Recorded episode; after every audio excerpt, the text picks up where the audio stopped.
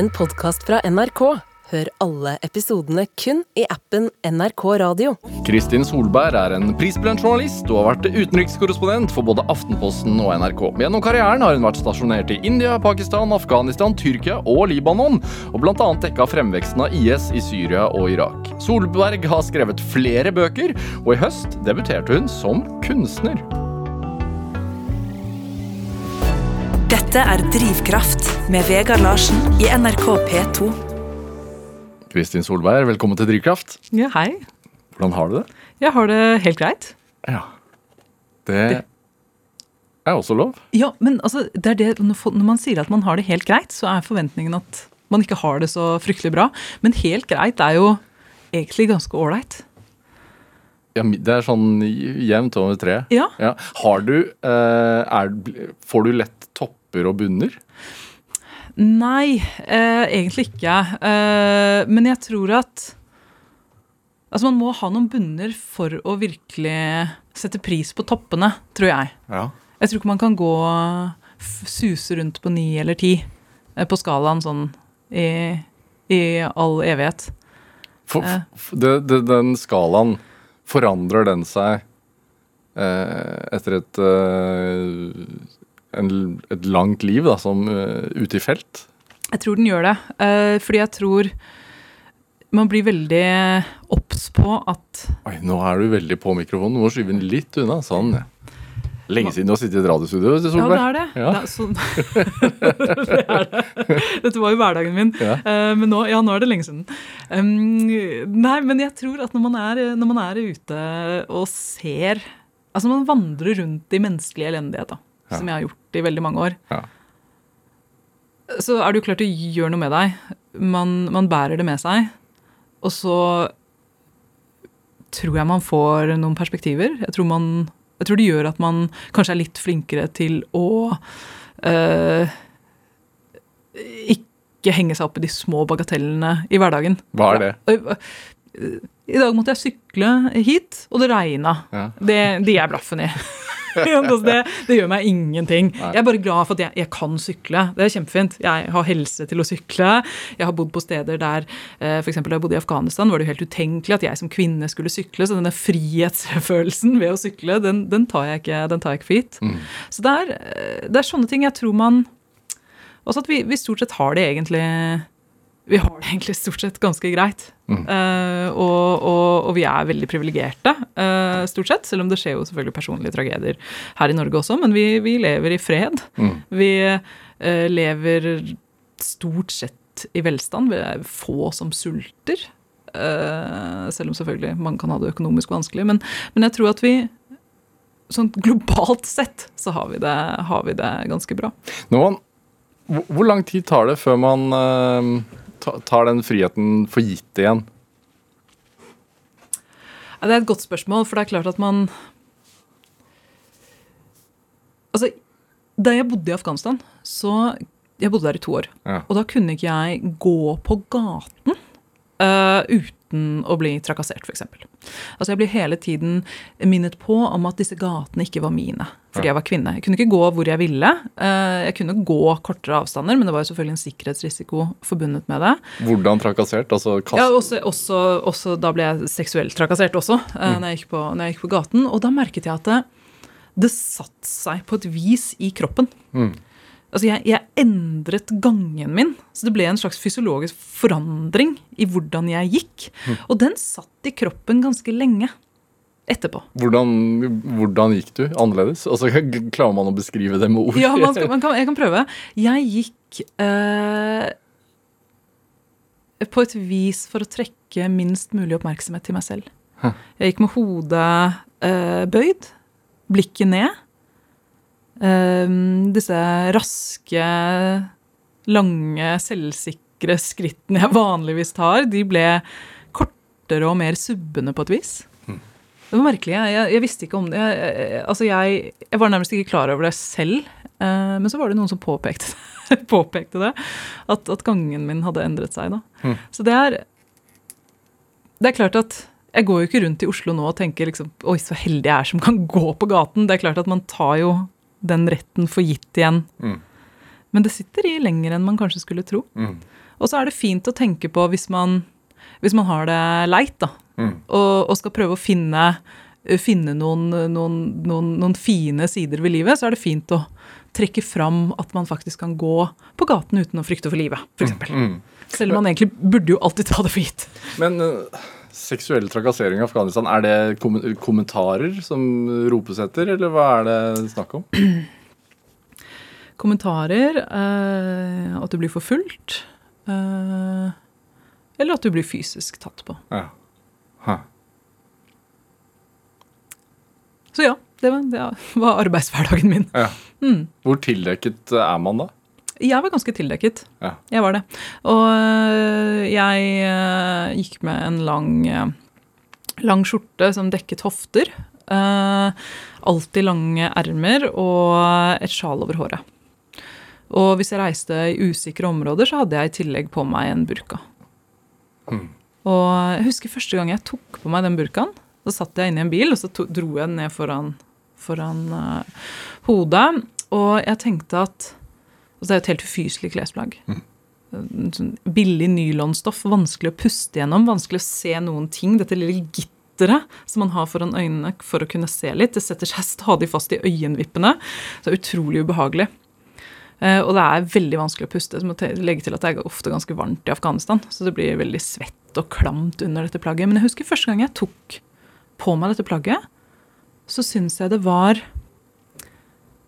eh, på en, et vis, merkelig nok, så syns jeg det var Satte jeg pris på at ingen lenger så på meg. Mm. At jeg kunne se uten å bli sett på. Og det var eh, fordi jeg hadde, hadde allerede vel vært der et års tid og, og var, var, var eh, lei av å stadig være den som ble tiltrakk seg oppmerksomhet. Mm. Det ble som en slags en sånn rustning, da? Eller Ja, sånn et, et skjold, et skjold, på, på et liksom? vis. På Ja. vis, ja. Mm, definitivt. Tror du de afghanske kvinnene også føler det sånn når de tar det på? Nei, eh, altså nå, nå er ikke jeg afghansk kvinne, så jeg skal være litt forsiktig med å, å si det. Det er jo Du har skrevet om de da? i- i skrevet om de, og- ja, definitivt. Jeg skrev, jeg skrev en bok, eh, 'Livets skole', som kom ut for mange år siden, om en, om en jordmorskole hvor jeg fulgte i en Taliban-dominert provins i Afghanistan, hvor jeg, hvor jeg fulgte en gruppe afghanske kvinner veldig tett. Um, og, og det er klart at de kom jo fra De var jo blitt fortalt hele livet at de var, at de var mindreverdige Mm. rett og slett. Jeg, jeg husker jeg fulgte de i en time hvor de skulle lære om kvinnerettigheter på denne jordmorskolen. Og uh, i den timen så ble de fortalt hvis noen forsøker å fortelle dere at dere er mindre verd enn deres bror, så er ikke det sant. Så det var på det nivået. Mm. Og det var en, en slags aha-opplevelse for mange av dem. Mm. Og nå er de jo tvunget til Tilbake, å tilbake Nå sånn er ikke de kvinnerettighetstimene. Nå har de ikke lenger kvinnerettighetstimer, og de aller fleste kvinner får jo ikke lenger gå på skolen heller, så. Nei. eh, over en viss alder. Så, så det er jo en, en tragisk situasjon. Det å bo der i to år og, og jobbe på den måten, og, og at man nærmest daglig blir utsatt for trakassering, da, hvis man går på gaten hvis man ikke dekker seg fullstendig til hva, hvorfor, hvorfor, hvorfor gjør man det? Hvorfor gjør du det? Altså, jeg gjorde det i den situasjonen fordi jeg Det var det som krevdes for å være der. Jeg skulle skrive en bok om afghanske kvinner, og jeg følte at for å kunne gjøre det med den nødvendige autoriteten, så måtte jeg vite hvordan det føltes. Ja. Jeg ville ikke være den journalisten som kom inn på kortere turer og bare fikk en liten smakebit av hvordan det var. Jeg ville føle det på kroppen, og det gjorde jeg. Mm. Eh, og så syns jeg det var viktig Krigen som pågikk der eh, I norske medier så ble det veldig stort fokus på eh, de norske soldatene. Når var det der? Jeg var der i 2000 og når var det? Det begynner å bli noen år siden. 2011 til 2013. Så nå snakker vi om ting langt tilbake i tid. Um, og da eh, var fokuset veldig på de, de norske soldatene i nordvest. Og det er jo klart, altså, sånn er det jo i Norge, men det var, det var lite fokus på hvordan de sivile hadde det. Og det har alltid drevet meg på et vis, da, å fortelle hvordan eh, krigen fortoner seg for, for sivilbefolkningen, som ikke har valgt den selv. Mm. De er blitt påtvunget den. Så for å kunne gjøre det på best mulig måte, så følte jeg at jeg måtte, jeg måtte bo der, rett og slett. Så jeg flyttet dit. Eh, og, og var der i to år. Og det, ja, for å kunne rapportere så autentisk som mulig, Mm. og sannferdig som mulig. Mhm. Når følte du deg trygg nok til å jobbe? Altså, Jeg jeg, jobbet tenker, jo stort sett hele tiden. jeg tenker sånn, Når man flytter til et nytt sted, Ja, uh, bare her i, her i Norge, ja. så er det en sånn eh, periode det, hvor, det, hvor man skal bli litt kjent med området. Man, skal, man begynner etter hvert å kanskje prate med de som jobber på kafeen. Altså det, det, det er en sånn kort periode eller, som kan kanskje vare en måned eller to, før man liksom føler seg varm. Mm. Hvor lang tid tok det før du følte deg varm? Nei, det tar jo litt tid, men jeg, må jo, jeg, må, jeg som journalist må jo rapportere fra nærmeste øyeblikk jeg lander. så, så jeg har ikke den luksusen med å, å si så nei, nå må jeg først bli litt kjent med det stedet. Det skulle man jo håpe på, men man, så, når man blir sendt et sted, eh, så, så er det jo ofte et leveringspress ganske raskt, for det har jo ofte skjedd noe i nyhetene. Så man har ikke den luksusen å luske rundt på kafé og snakke med kelnerne og, og føle, seg, føle, føle at man blir helt varm i trøya før man, før man begynner. da. Mm. Eh, men ja, når er det man føler seg, når er det man føler seg hjemme? Mm. Det er kanskje det du mener. Eh, jeg føler meg raskt Jeg føler meg ganske raskt hjemme. Mm. Jeg vet ikke hvorfor det er, men jeg, det kan jo være at jeg har flyttet rundt såpass mye. Så jeg føler at når jeg har tingene mine der, bøkene på nattbordet, eh, vært der, vært i samme hus i en periode, så, Mm. som er relativt kort, egentlig, så føler jeg at det blir hjemme. Og jeg husker at jeg kom Akkurat med Afghanistan husker jeg at jeg hadde vært ute en tur, og så, og så fløy jeg tilbake til Kabul. Og jeg husker når jeg landet eh, Afghanistan ser ganske spektakulært ut fra luften. Masse høye, brune fjell så langt øyet strekker seg. Og så kommer denne sletten midt mellom fjellene, som på den sletten ligger Kabul. da. Uh, og så lander man, og, og du ser at husene de Hvor stort er det fra himmelen? Det er ganske stort, for det er Altså Det ligger jo på denne sletten, men det er så overbefolket at du ser at husene på en måte tyter ut oppover fjellsidene, akkurat som ikke alle får plass. da. Eh, For det er jo så mange som har flyttet til Kabul fra provinsene rundt, for det er utrygt. Så du ser at husene på en måte klamrer seg fast i fjellskrentene oppover på alle sider av byen. Og så lander du, og så er det ofte fjellene snødekte, for de er såpass høye. da, så Selv når man lander godt utpå våren, så er det disse hvite toppene på fjellene rundt. Og byen ligger jo på 1800 meter høyde, så det er ganske høyt. Mm. Eh, og jeg husker da at jeg landet på flyet, og så merket, merket var det annet, var en eller annen følelse Nå var det godt å komme hjem, tenkte jeg. Og, så, og da tenkte jeg å ja, sånn har det blitt. Nå er det dette, nå er det dette som er hjem. Hva var oppdraget ditt? Oppdraget mitt der Ja. Uh, Altså Jeg rapporterte jo for Aftenposten da, og så jeg da, skulle jeg skrive denne boken. Men har du fritt, fritt leide da på, på saker som sendes hjem, eller er det, er det noen vinklinger man er ute etter?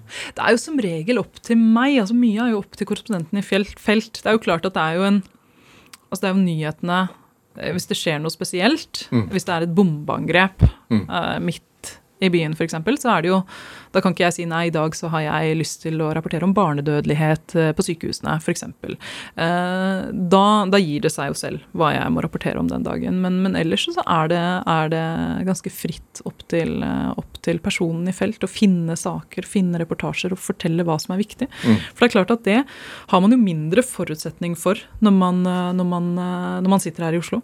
Er det noen fellestrekk mellom de tingene du ønsket å rapportere om? Ja, jeg tror egentlig det er en slags rød, tråd. Jeg, altså jeg har alltid vært opptatt av urett mot sivile på alle mulige hold.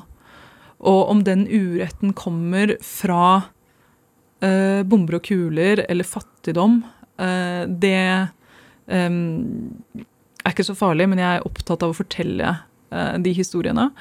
Og, og jeg har vært spesielt opptatt av å fortelle hvordan en krig rammer en sivilbefolkning.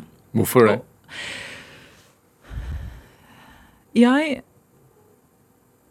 har tenkt at Og det tror jeg, tror jeg medfører riktighet også. Altså det, de, største, de største overgrepene i en krig, de skjer som regel når ingen ser det, og når ingen rapporterer om det.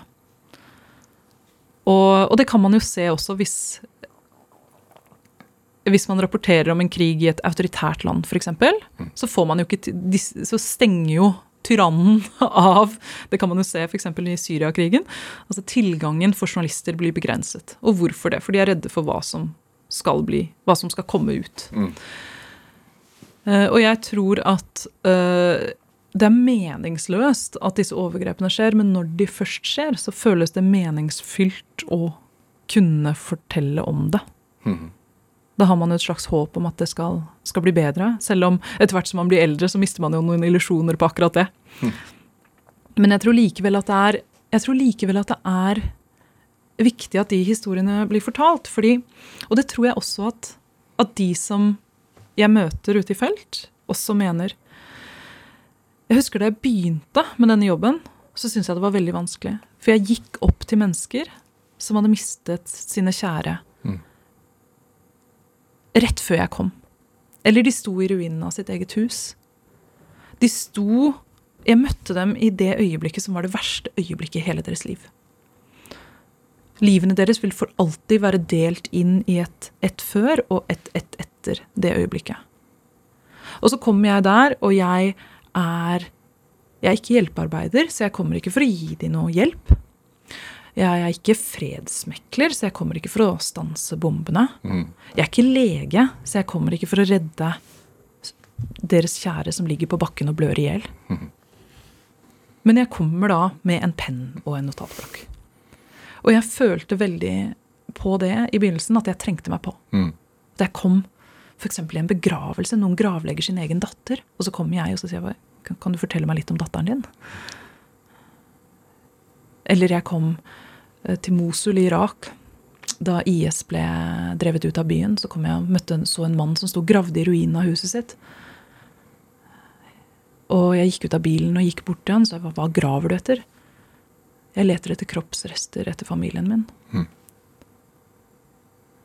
Og de var jo Han husker han la kroppsrestene i et lite rødt tørkle. Og de var så små og uten egenart at man ikke ante om de tilhørte moren hans eller broren hans. Eller du møter folk som når de får beskjeden akkurat om at deres kjære er drept. Mm. Og det dyriske hylet som vi mennesker kommer med i det øyeblikket, det fest, den, den lyden blir du, blir du aldri kvitt. Den går nedover rygg- ryggmargen på enhver, tror jeg. Og så kommer jeg der, og vi stiller dem noen spørsmål. Mhm. Så, så, og jeg er ikke en sånn veldig ja, brautende person når du møter meg, tror jeg. Uh, så jeg kommer ikke, jeg kommer ikke sånn nødvendigvis sånn veldig selvsikkert opp til dem og krever at de skal snakke med meg. Men jeg, det ble alltid tatt godt imot. Mhm. Jeg har møtt hundrevis, antagelig tusenvis av mennesker i den situasjonen. Og jeg kan telle på én hånd, og jeg trenger ikke bruke alle fingre engang, de gangene folk ikke har villet snakke med meg. Mm. Folk vil fortelle. Og det kan du jo tenke deg at hvis du har opplevd noe som Hvis du har opplevd en stor urett mot deg selv Du vil at verden skal vite om det. Hvis noen, og ah, Spesielt hvis noen forsøker å dekke over det. mm. Så er det jo spesielt viktig at man forteller om det. Men det å være den som forteller Hvor lenge Hvor mye preger Preger det deg, disse hendelsene? Det er klart det preger meg, og jeg tror at jeg, sa, altså jeg har alltid sagt at den dagen det ikke preger meg, så skal jeg ikke gjøre dette her mer. Ja. Eh, For da har du blitt såpass, sosia- eh, altså, da har du blitt såpass emosjonelt avstumpet at da bør du ikke gjøre dette. Det preger meg, og jeg lar det også prege meg. Ja. Fordi jeg tror at hvis du ikke gjør det, så kan du Så blir også rapporteringen hjem eh, Den får mye mindre nerve. Mm. Jeg merker at når jeg virkelig føler det, og det har vært, det har vært ganger hvor jeg har sittet og skrevet en sak, og så har tårene bare rent nedover kinnene mine, for det jeg skri, skriver om, og det jeg nettopp har sett, er så forferdelig. Mm. Og jeg merket ofte at det var de sakene som traff leseren. Eller seeren eller lytteren. Mm. De gikk inn på meg, og dermed gikk det inn i rapporteringen, og det traff folk på et annet vis. Så jeg tror også at det er jo min Og det er jo det jeg må ha som mål når jeg står der ute. Jeg, som sagt, jeg er ikke, jeg er ikke, jeg er ikke lege, jeg er ikke hjelpearbeider. Jeg kan egentlig ikke gjøre noen ting. Men det jeg kan gjøre, det er å fortelle den historien på et vis som tvinger folk her eller andre steder til å bry seg. Og det har på en måte vært noe som har drevet meg. Um, og jeg husker jeg snakket jeg husker jeg snakket med en psykolog en gang etter en sånn, øh, etter jeg hadde sett massakren i Kairo. Da hadde jeg masse- problemer med å sove lenge etterpå.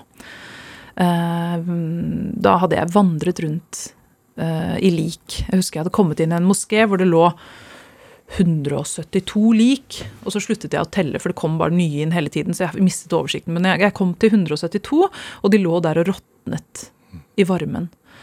Eh, Jeg husker jeg så et lite barn, han var vel eh, kanskje 10-12 år, med strupen kuttet over, øynene fortsatt stirrende. Eh, Jeg så en mann inn i øynene mens han døde. Han kom inn igjen på et feltsykehus i en moské. Og eh, han hadde ingen andre. Han var i 20-årene. Og han, hadde, han kom alene, det var ingen som visste hvem han var. Eh, han hadde ingen venner eller pårørende der. Og du merket, det var et eller annet med rommet når han kom inn, så merket du at eh, legene jobbet sånn stille og intenst. Du skjønte at det var ganske alvorlig. Og han festet blikket i øynene mine. Så, jeg så han så meg rett inn i øynene. Så tenkte jeg han har ingen her. Han, han kommer til å dø. For det skjønte jeg, for blodpølen under han ble bare større og større, og ganske raskt. Og da tenkte jeg ja, da skal han i hvert fall ha et vennlig, et vennlig blikk da, når han dør, når han ikke har noen andre her. Så jeg så han inn i øynene mens han døde. Og øynene hans ble bare fjernere og fjernere og fjernere, til de til slutt bare så inn i seg selv.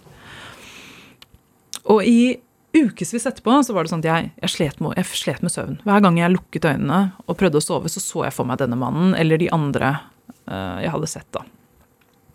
Og da snakket jeg med en psykolog, og han sa ga meg et råd. da. Han sa du kan jo prøve å forestille deg når du står i den situasjonen, når du, når du står midt oppi elendigheten, at det bare er på film. Og da sa jeg takk, men nei takk. For det vil jeg ikke gjøre. Da får jeg, en, da får jeg en avstand til det som påvirker rapporteringen. Da føler jeg at jeg ikke gjør det som er ansvaret mitt. Mm. Jeg må stå i det, jeg må føle det selv. Og da blir rapporteringen også sterkere.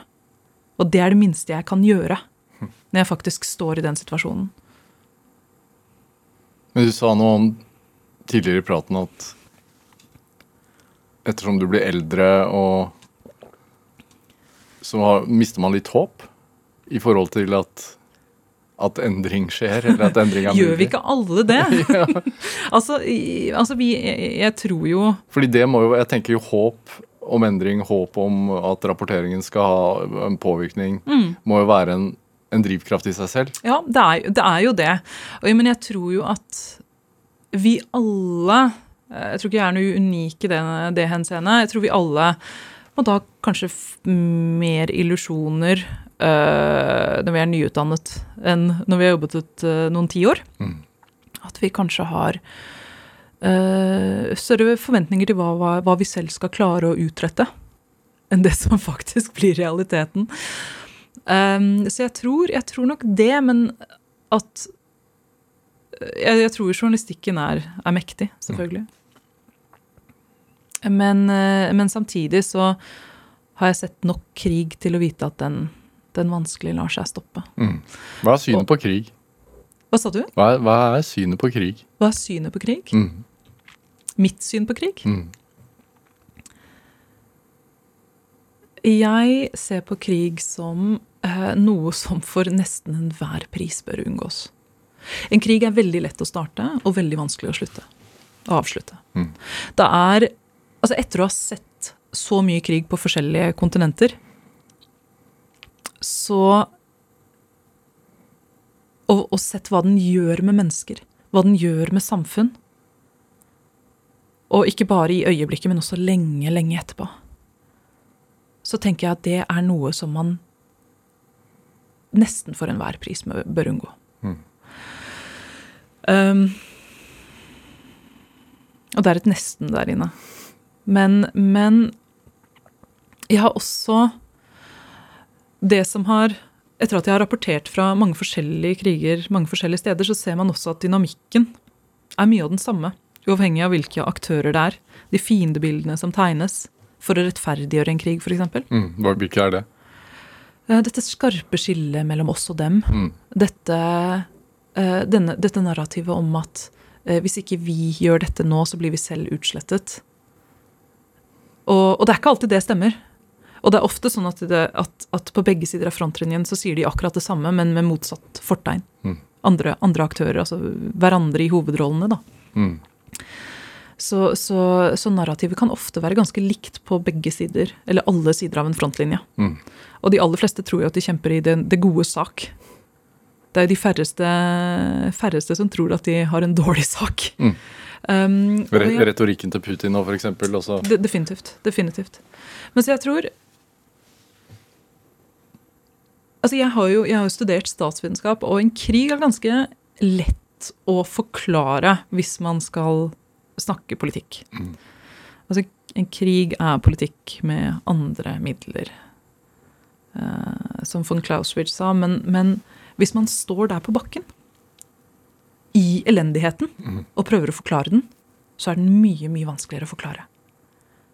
Det som er at man, man står der, og så ser man ellers ganske anstendige mennesker plutselig gjøre de mest brutale overgrepene mot hverandre. Mm. Ofte så kan det være tidligere naboer. Familiemedlemmer, til og med.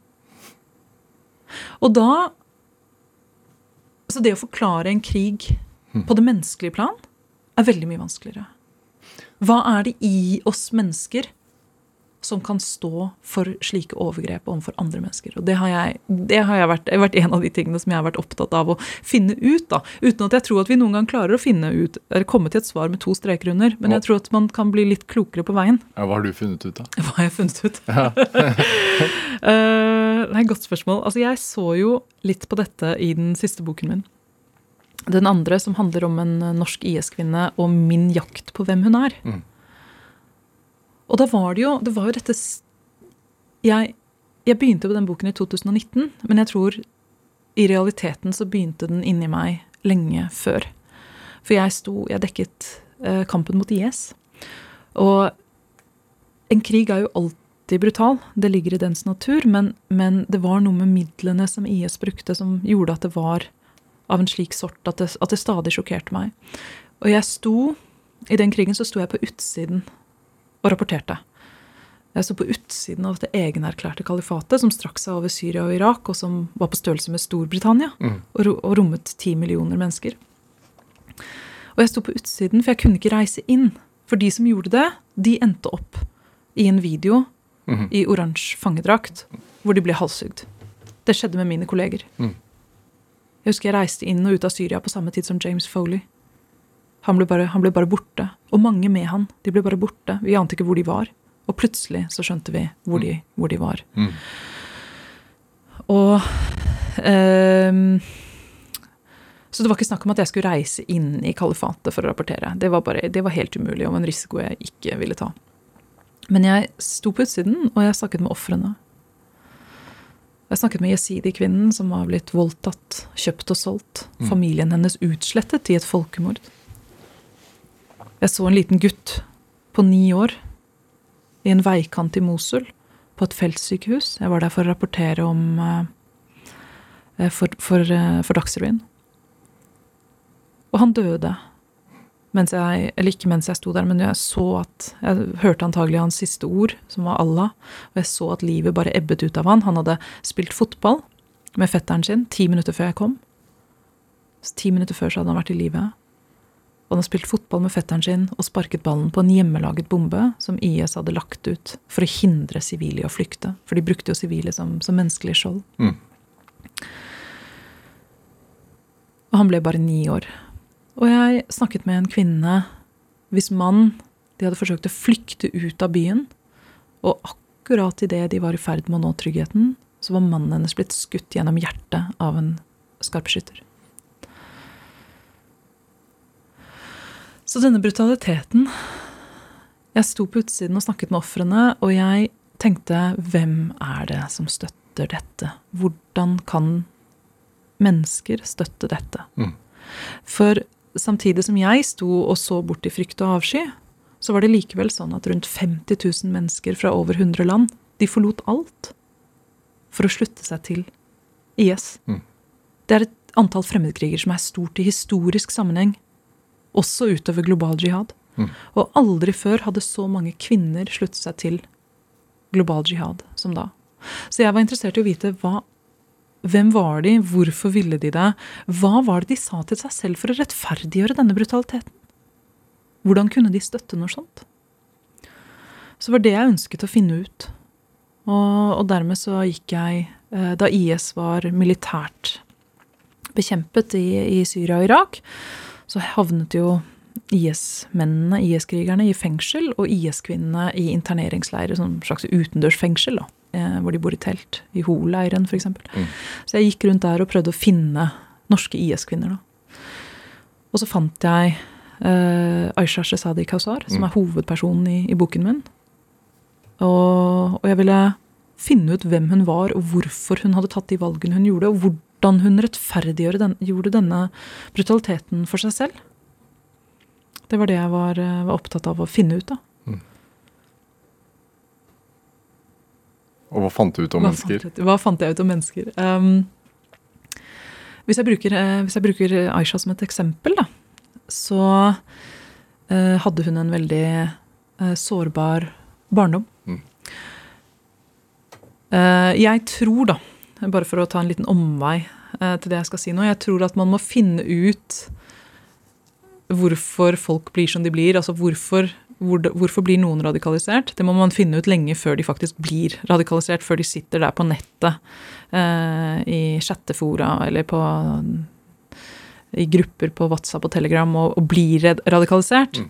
Enten til høyre eller venstre, du sier. Ja, ikke sant. Men du må se på hva Jeg tror man må se hele mennesket og livshistorien under ett da, for å vite hvor, hvorfor noen Hvorfor er noen sårbare når de kommer dit. Og for hennes del, hun, hun kom fra et hjem hvor alt så veldig fint ut fra utsiden. Foreldrene innvandret fra Pakistan, hun født her. Men, eh, og de bodde jo i et rekkehus på Rykkinn. Alt så veldig fint ut fra utsiden. Trampoline i hagen og Nintendo på barnerommet og juletre på julaften, til og med. Mens på innsiden så levde hun i et helvete. Der um, det var uh, vold i hjemmet. Faren slo henne, moren og de yngre søstrene. Jeg spurte henne en gang om hun kunne forklare første gang han slo. Og da eh, sa hun at eh, det Eller hun kunne fortelle om den episoden. Og det husket hun ikke, for det hadde bare alltid vært sånn. Hun husket ikke noe første gang. Hun var faktisk langt oppe på barneskolen før hun skjønte at ikke alle fedre slo barna sine. Mm. Og så var det på skolen. Eh, så var hun en av svært få med melaninrik hud i et veldig hvitt område i Bærum. Eh, så hun var Hun ble utstøtt, mobbet og, og delvis um, Ja, altså hun, for å ta et talende eksempel, hun var den som ved skoledagens slutt, og de delte ut bursdagsinvitasjoner i gangen, så var det en som ikke fikk, og det var, det var henne. Mm. Og jeg tror at det skapte en slags sårbarhet. Jeg snakket med en amerikansk eh, psykiater og ekstremismeforsker i forbindelse med arbeidet med boken. Hun har jobbet med ekstremisme i mange forskjellige former, eh, i mange forskjellige konflikter. Og i, i akkurat denne konflikten da, så har hun intervjuet over 220 IS-avhoppere. Eh, så hun er den i verden som kanskje har intervjuet flest. Hun heter Anne Speckard. Og jeg snakket med henne om dette og fortalte Aishas historie. Hun sa at det var helt typisk. Mm. Og hun sa, hun sa Eh, kanskje litt banalt, men hun sa eh, hvis færre barn hadde blitt slått hjemme, så hadde det vært mye mindre et rekrutteringsgrunnlag for terrorgrupper. Og jeg tror eh, så enkelt og så vanskelig eh, at mm. kan det være. Mm. Eh, men det er klart at det, det forklarer jo ikke nødvendigvis hvorfor hun senere sluttet opp om IS voldsbruk. Altså Hva må hun fortelle seg selv for å gjøre det? Og jeg tror det er denne at man stoler blindt på et narrativ man tror man jobber i det godes gjerning. Mm. Og man tror på denne oss og dem, eller egentlig oss eller dem-tankegangen, som preger konflikter. Egentlig de som muliggjør konflikter i utgangspunktet. Mm. Og man er så blendet av det at man ikke, at man ikke ser det større bildet. Og så tror jeg også det var en fysisk avstand til ofrene. Mm. Um, Altså hvis man lever atskilte fra, fra, andre, så er det lettere å miste deres menneskelighet av syne. Mm. Men det er denne menneskeligheten som, man, som, man, eh, som, som kan være en slags beskyttelse. Hvis man ser det andre som et menneske, så er det mye vanskeligere å skade dem. Det får vi, bare for å ta en liten anekdote, det får vi alltid beskjed om. Journalister som sendes ut i krig, vi må gjennom sånn sikkerhetskurs da, liksom, med jevne mellomrom. Og der trener vi på hva gjør vi hvis det blir, hva gjør vi for å komme oss ut av et minefelt, hva gjør vi eh, hvis det kommer en eh, Hvis du blir kidnappet, da, f.eks. Da har du dårlige odds. Så bare så det er sagt, så best er å unngå å bli kidnappet. Men hvis man ikke klarer det, og man sitter der, hva gjør man? For å forbedre oddsene så må man prøve å menneskeliggjøre seg selv. For hvis disse kidnapperen ser deg som et menneske og ikke bare et gissel, så er det mye vanskeligere for dem å skade seg. Og dermed så har du mye større sjanse for å komme fra det med livet i behold. Og hvordan menneskeliggjør deg du deg selv? Hva ville du sagt? Nei, det kommer jo helt an på hvem kidnapperen er. Ja. Eh, Du må finne disse felles referansepunktene. Og da kan man jo begynne med noe så ganske så enkelt. ikke sant? Alle, vi har alle vi, vi har alle noen foreldre, vi har alle en mor. ikke sant? Altså, Begynne på det. Eller at hvis han elsker hunder, ja, det gjør du også. Ja, du må prøve å ha noe som er sant, da, for det er jo ikke så bra å bli tatt Hvis du sitter der og er gissel, så er det ikke bra at de tar deg i løgn, f.eks. eksempel. Det er veldig dumt. Men, men, eh, men, men prøv å finne, finne det som er sant, og det som man har felles. Og jeg tror det, etter å ha intervjuet så mange mennesker som er eh, også til dels svært ulike meg, vi har alle noe felles. Man klarer alltid å finne noe.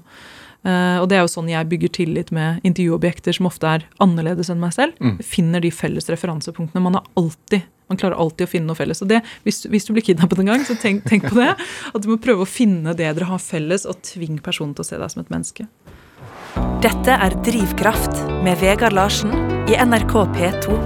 Og i dag er eh, journalist og forfatter Kristin Solberg eh, her hos meg i Drivkraft på NRK P2. Hvis man skal finne hvem du er som menneske, da. Hvor er, hvor er du fra? Jeg, eh, jeg er fra Foreldrene er skilt, så jeg kommer fra Stovner og Skjetten. Det er der jeg vokste opp. da. De to stedene var sånn 50-50, så jeg, eh, jeg pendlet mellom Stovner og Skjetten. Når ble de skilt? De ble skilt da jeg var veldig liten, jeg tror jeg var fire år. Så det har bare alltid vært sånn Ja. For meg, og aldri preget meg i noen særlig stor grad. Jeg husker jeg satt og så på Dagsrevyen sammen med pappa en gang. Da var jeg liten, eller jeg satt vel ikke og så på, pappa så på, og jeg, eh, jeg satt og lekte på gulvet ved siden av, og så var det en eller annen, jeg tror det var Dagsrevyen, hvor det var en reportasje om skilsmissebarn. Og jeg skjønte, jeg visste ikke hva skilsmissebarn var, men jeg hørte på reporterens stemme at dette var folk man skulle synes synd på, disse stakkars skilsmissebarna. altså, var, reportasjen handlet om at noen hadde gjort noe hyggelig for skilsmissebarn eh, på et eller annet vis. da. Og da det var ferdig, så spurte jeg pappa hva, hva er skilsmissebarn? Jeg må ha vært sånn fem-seks år. Og så sa jeg ja, det er sånn som deg, det. Og da, da, ble det, da ble jeg litt perpleks, for akkurat som det skulle være synd på meg, da, på et vis. For det hadde jeg aldri opplevd som særlig belastende. For det skjedde når jeg var så ung at Ja. Og de samarbeidet alltid godt, så det preget meg ikke i det hele tatt. Ja.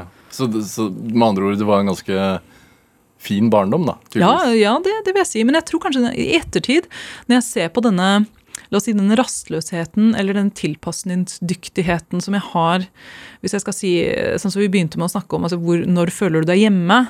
eh, at det skal ganske lite til. Og det kan jo være fordi jeg pendlet mellom to hjem hele barndommen. da. Vant til å ha Vant tann, tannbørsten i, i, i en pose eller en toalettmappe. liksom? Jeg hadde vel strengt tatt én tannbørste hos hver for Det sto ikke så dårlig stilt. Men det skal jeg si, altså i alle disse årene hvor jeg satt og var korrespondent, så eh, Jeg vil jo si at det var 15 år der hvor jeg hadde toalettsakene mine, altså alt i en toalettmappe på badet. Klar til å, klar til å tas med på kort varsel, for jeg måtte jo ofte reise. Jeg kunne våkne opp i et land, og så ved dagen som jeg gikk og la meg, så kunne det plutselig være et helt annet land uten at jeg visste om det på forhånd. Så jeg hadde jo alltid liksom bagen pakket. Og, og det syns jeg var veldig deilig da jeg, da jeg var ferdig som eh, den siste korrespondentperioden nå, og, og kom hjem til Norge for første gang på lenge og, og, og fikk et barn. Og da syns jeg det var veldig deilig å bare ikke ha Altså sette, sette på en måte hudkremen i hylla. sette tannkremen på plass og sånne ting. At nå skal det bare stå her. Nå skal ikke det ligge i en toalettmappe klar til å raskes med seg på kort varsel lenger. Går rastløshet over? Det vet jeg ikke. Jeg skal fortelle deg hvis jeg finner ut. ja, du, har, ikke, du, har ikke gjort det til nå? Jo, jo, jo, på et vis. Fordi jeg, jeg, jeg kom hjem til Norge for første gang Altså, jeg flyttet ut fra Norge i 2001. Da jeg var, da jeg var ferdig med videregående, så flyttet jeg ut fra Norge, til, eh, ut fra Norge med en gang jeg var ferdig. Hvor dro du da? Da dro jeg til England og, for å studere. Og så siden gikk det bare altså det gikk, det gikk bare videre. Og jeg var hjemme siden 2001 så hadde jeg bodd hjemme i ett år. Eh, helt fram til 2020. Ja. Så jeg hadde bodd ute mer eller mindre sammenhengende i 19 år. Er det noe i oppveksten din som øh, trigget den eventyrlysten, eller den, øh, den tanken om at verden der ute, den skal jeg oppsøke? Jeg vet ikke hva det var. Jeg har prøvd å tenke på det også, men det var, det var bare helt naturlig for meg. Alle søsknene mine studerte, jeg, jeg var attpåklatt, alle de eldre søsknene mine de studerte ute. Mm. Og også, også min far har jobbet i utlandet. Eh, sånn at jeg tror det må komme noe derfra. Det var, det var bare Det var bare helt opplagt at jeg skulle det. Og så var det ikke nødvendigvis altså Det var noe jeg ville. Jeg ville ut og studere. Jeg, ville, jeg tenkte at verden, verden er så stor, og livet er så kort, at jeg må bare jeg må, bare, jeg må komme meg ut og se hva som er der ute. Hvor tidlig oppsto den tanken? Det var ganske tidlig. Jeg husker ikke akkurat nå, men det er litt vanskelig å si, egentlig. For jeg tror den, den må ha vært der siden en gang i begynnelsen av tenårene. Altså. Den må ha vært det. Den må ha vært det. Ja. Eh, For det var, ganske, det var hele, tiden, hele tiden planen at jeg skulle Når jeg var ferdig på videregående, så skulle jeg ut og studere. Men hva får en tenåring til å tenke at livet er kort? Ja, det er sant. Det kan du si. Men jeg tror jeg også var Jeg tror ikke det var noe som hendte meg. Jeg var, jeg var forskånet for sykdom og død, og har vært det store deler av livet. da. Jeg har vært ganske heldig der. eh, inntil nå, midt i livet, da begynner det å bli litt annerledes. Men, men, eh, men jeg har vært ganske forskånet for det. Men jeg tror også at jeg eh, var Altså, jeg ønsket, å, jeg ønsket å bli journalist, og jeg ønsket å bli forfatter. Så det er jo det jeg er blitt. Jeg kan jo si at jeg, ja. Hvorfor, hvorfor journalist? Forfatter kan jeg forstå at man idealiserer som ung, men, Mm. men journalist har man jo. Var, hadde du noen forbilder? Var det noe, Nei, jeg hadde ikke det, men jeg, jeg, jeg hadde Jeg ville bli forfatter fra da jeg var syv år. Og Jeg tenkte at jeg, jeg elsket å skrive. Jeg elsket å, jeg satt i baksetet av bilen og satt og diktet historier. Og det var liksom min greie. Og jeg tenkte at jeg vil bli forfatter, og for å, få, for å være forfatter så må man, må man ha masse livserfaring, og man må oppsøke erfaringer. Så det har liksom ligget i meg. Eh, Man må opp... Det tenkte du som syvåring. ja, altså Det kom kanskje litt senere, men for, som syvåring så, så ville jeg bli forfatter da. Og så tenkte jeg at det, det, pass, det passer liksom til meg, tenkte jeg. Og så, og så etter hvert så Det var hele den at jeg, at jeg, jeg elsket å skrive. Det var, det var på en måte, og det er det jeg føler meg ennå i dag. det er det jeg, hvis, hvis jeg har på en måte en time ledig og får gjøre noe, det er å skrive. Det, det syns jeg er bare helt fantastisk. Hvis det er meg og et Word-dokument alene hvorfor er det så fint? Hvorfor er det så fint? Jeg vet, hva, jeg vet ikke, jeg klarer ikke å forklare det. Det er den der å bare se setninger på i et Word-dokument eller på en side. Jeg syns det er helt fantastisk. Og så, tenker man, eller i hvert fall jeg, jeg tenker mye bedre når jeg skriver. Mm. Tenker mye klarere.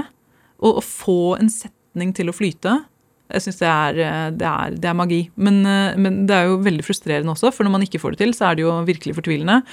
Men så er det det å få finne rytmen i en setning, se den bli til Hmm.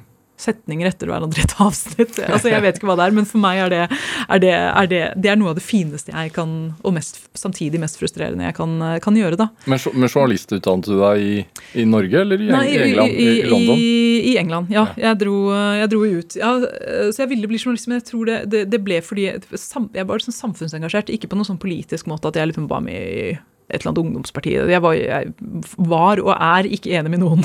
Så jeg på en måte er den perfekte journalist på det viset. Men, men, men, men ja. Jeg Liker å være uenig, eller er Nei, ikke på noe jeg skulle gjerne vært enig jeg. Jeg skulle vært mye lettere.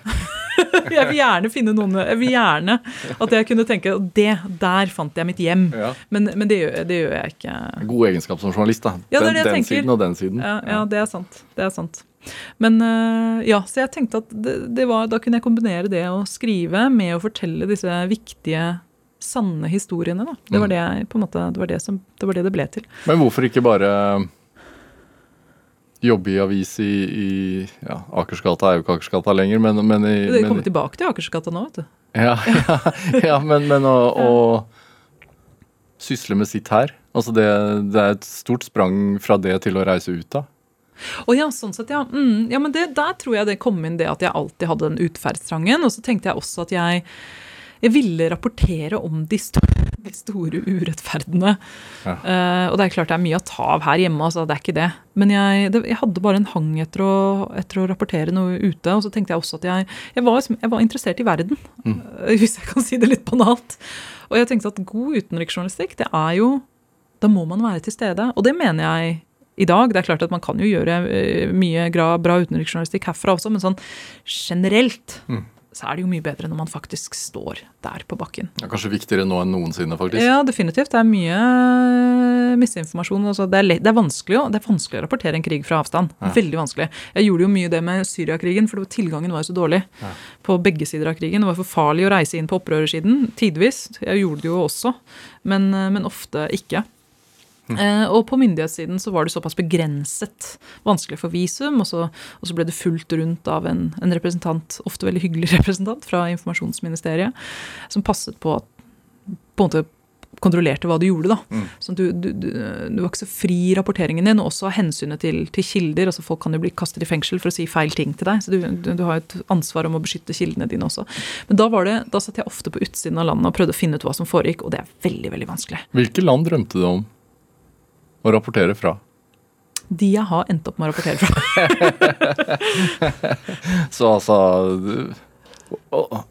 Fordi at dette var land som ikke ble rapportert fra så mye? eller altså, Ja, Hva med USA, liksom? Eller, eller Storbritannia? Ja, det kan du si. Altså, jeg, jeg studerte jo i, i England, og da jeg var ferdig med mastergraden min i London, så tenkte jeg Nå øh, har jeg to valg. Altså, Jeg kan enten bare bli værende i London, og det var mange av mine studiekamerater som ble det. Og det er jo en helt fantastisk by, fortsatt en av mine favorittbyer. Men hvis jeg blir værende nå, så blir jeg værende her.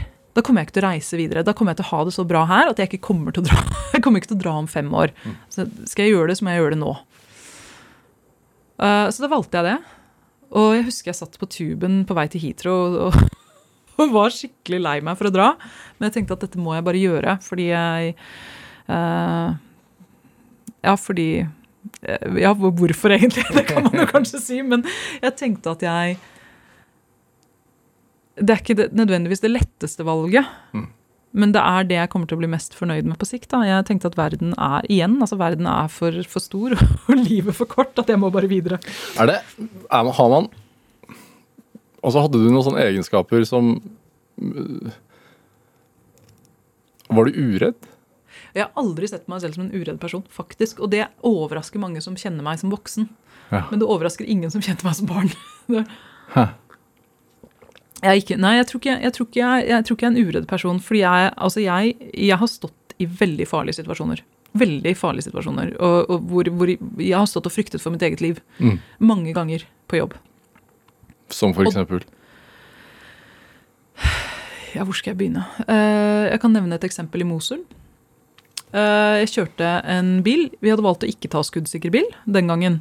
Og jeg hadde en eh, skuddsikker eh, hjelm og vest. Men det er klart at når man går rundt med den hele dagen, en veldig tung skuddsikker hjelm og vest det, den, er, den er veldig tung. Og, så du, du, du blir, blir forferdelig sliten av å ha den på deg hele dagen. Ribbeina ver verker, svetten renner. altså det er ekstremt ukomfortabel. Så når jeg kjørte rundt, Da var vi et stykke fra frontlinjen, Mm. så jeg hadde den ikke på meg. Jeg tok den på meg når jeg kom nærmere frontlinjen. Men der trodde jeg at jeg var trygg. Og så plutselig så ble det skyting rundt oss.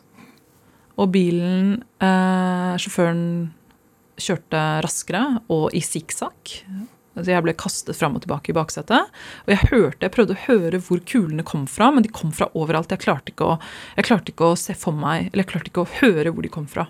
Og det er et eller annet sånn der, Vi har lært på, igjen på disse sikkerhetskursene, og lært hvor, hvordan kan du liksom regne ut hvor langt kulene er fra deg. ikke sant? Hvordan kan du høre det, hvilken retning kommer det fra. og sånn. Alt det der det var ikke sjans. Jeg satt i baksetet, og jeg huket meg ned, eh, sånn at jeg i hvert fall ikke skulle være synlig.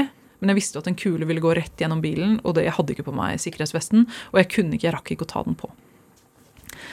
Og da trodde jeg eh, i Jeg vet ikke hvor lenge det sto på, for tiden er jo veldig Veldig eh, merkelig. Mhm.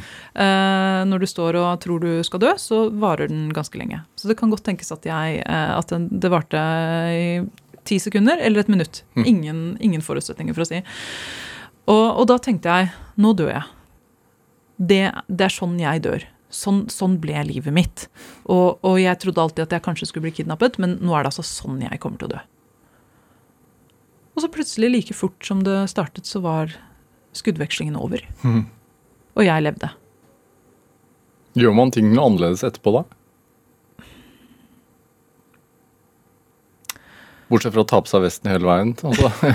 ja, det er noe en ting. Vi hadde, vi hadde skuddsikker bil på neste reise. Ja. Uh, og Nei, altså akkurat da så, så, så Altså da fikk jeg en helt sånn fysisk reaksjon. Jeg hadde bare lyst til å legge meg ned i, i fosterstilling og, og skrike. Det var hele kroppen min bare fortalte meg at nå, nå holdt det på å dø. Men da hadde vi kommet fram til et intervju, så jeg måtte bare ta meg sammen og intervjue denne generalen vi skulle intervjue der. Og det var et vanskelig intervju å gjennomføre. Men, men jeg, igjen, da var jeg såpass drevet at jeg skulle, jeg skulle få den saken. Jeg skulle gjøre det jeg var der for, og det var å rapportere om hvordan det gikk med- i, i krigen. Hvordan gikk det med det sivile krigen. Så jeg, jeg ble værende. Men det er klart at det, det, det preget meg jo. Og det er klart at Jeg vil jo si gjør man noe annerledes? Ja, det kan du si, men jeg, jeg har Jeg jobber Før slike turer så jobbet jeg altså jeg jobber veldig systematisk med sikkerhet. Jeg har runder med sikkerhetskonsulent, altså sikkerhetsfirma. Så jeg har Altså, jeg går opp løypa, eh, jeg har med sikkerhetsstyret, jeg har en tracker altså Jeg skal ikke si for mye om hva man gjør, for da, men, men man, man gjør ganske mye. Det er ikke sånn at man bare reiser inn. Og jeg var alltid sånn at jeg jobbet ganske systematisk med det, for jeg var jo redd. Jeg var jo redd for å dø. Jeg, jeg, vil, jeg vil jo ikke det. Så eh, Så det var aldri sånn at jeg tankeløst reiste inn på steder. Hva med posttraumatisk stress etterpå? Ja, det er der. Ja.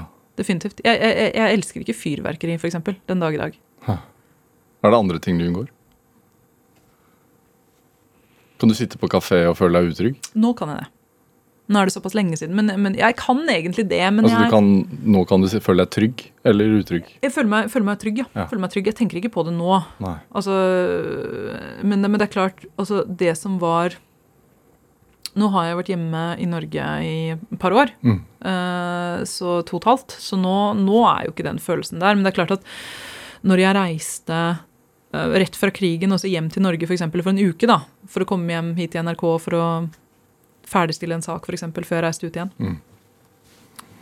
da slet jeg jo litt med hvordan Så jeg husker jeg jeg skrev, en, skrev et eh, korrespondentbrev om det en gang.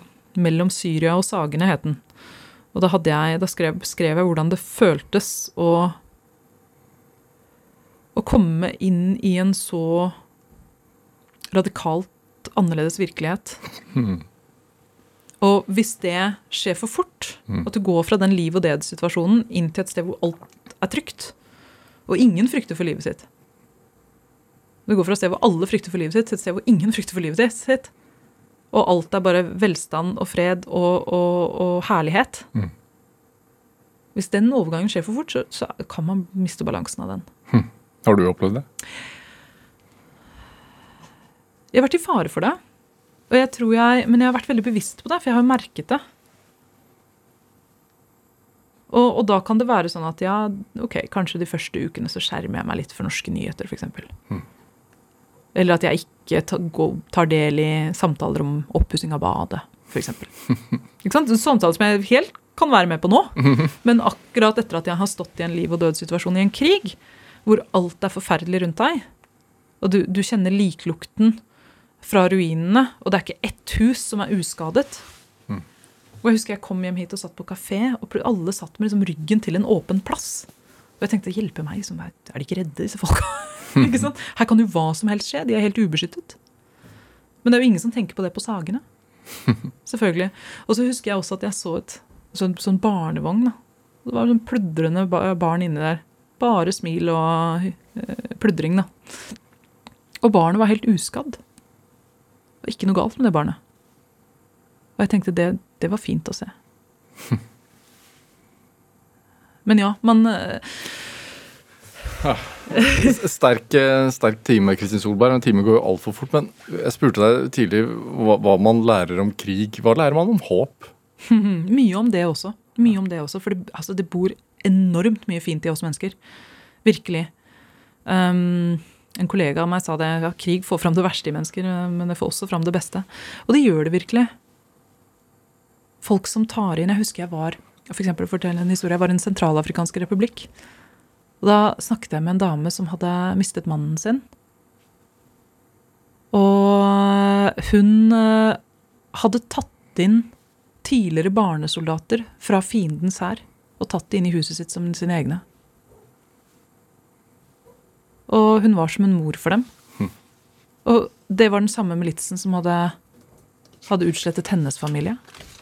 Men det hadde hun altså gjort. Altså det, bor, det bor mye fint i oss mennesker også. Altså. Og det, det, ser man jo også når man er i pressede situasjoner. Mm. Man står der og ser mennesker som egentlig risikerer sitt eget liv for å hjelpe andre. Det ser man jo også. Det er veldig fint å se. altså. Så man, Det er ikke sånn at man får et nødvendig sånn veldig dystopisk verdenssyn eller, eller menneskesyn da, Mm. av, å, av å ha gjort det jeg gjør. Hva gjør deg mest glad, da? Hva gjør meg mest glad? Uh, akkurat nå så er det vel egentlig mest glad. Jeg, jeg er veldig fornøyd hvis jeg sitter og er på lekeplass sammen med datteren min og ser på en liten bille kravle over, uh, over, over eh, sandkassa, eller plukker en blomst og ser hennes forundring Mm. over verden. Det syns jeg er kjempefint. Og da føler du deg også trygg? Ja, definitivt. Kristin Solberg, hva er drivkraften din? Jeg tror det er å fortelle historier som er viktig. Det tror jeg har vært drivkraften min hele veien. Det har du klart, da. Til nå. Tusen takk for at du kom til Drivkraft, Kristin Solberg. Takk for at jeg fikk komme. Hør flere samtaler i Drivkraft på nrk.no eller i appen NRK Radio. Send oss eh, gjerne ris eller ros, og tips til mennesker som du mener har drivkraft. Send en e-posten til drivkraft.krøllalfa.nrk.no. Vi hører veldig gjerne fra deg. Produsent i dag det var Kjartan Aarsand, mens Olav Tessem Widsvang eh, gjorde research til denne sendinga. Men eh, dette, dette var Drivkraft. Jeg heter Vega Larsen. Vi høres. Du har hørt en podkast fra NRK. Hør alle episodene kun i appen NRK Radio.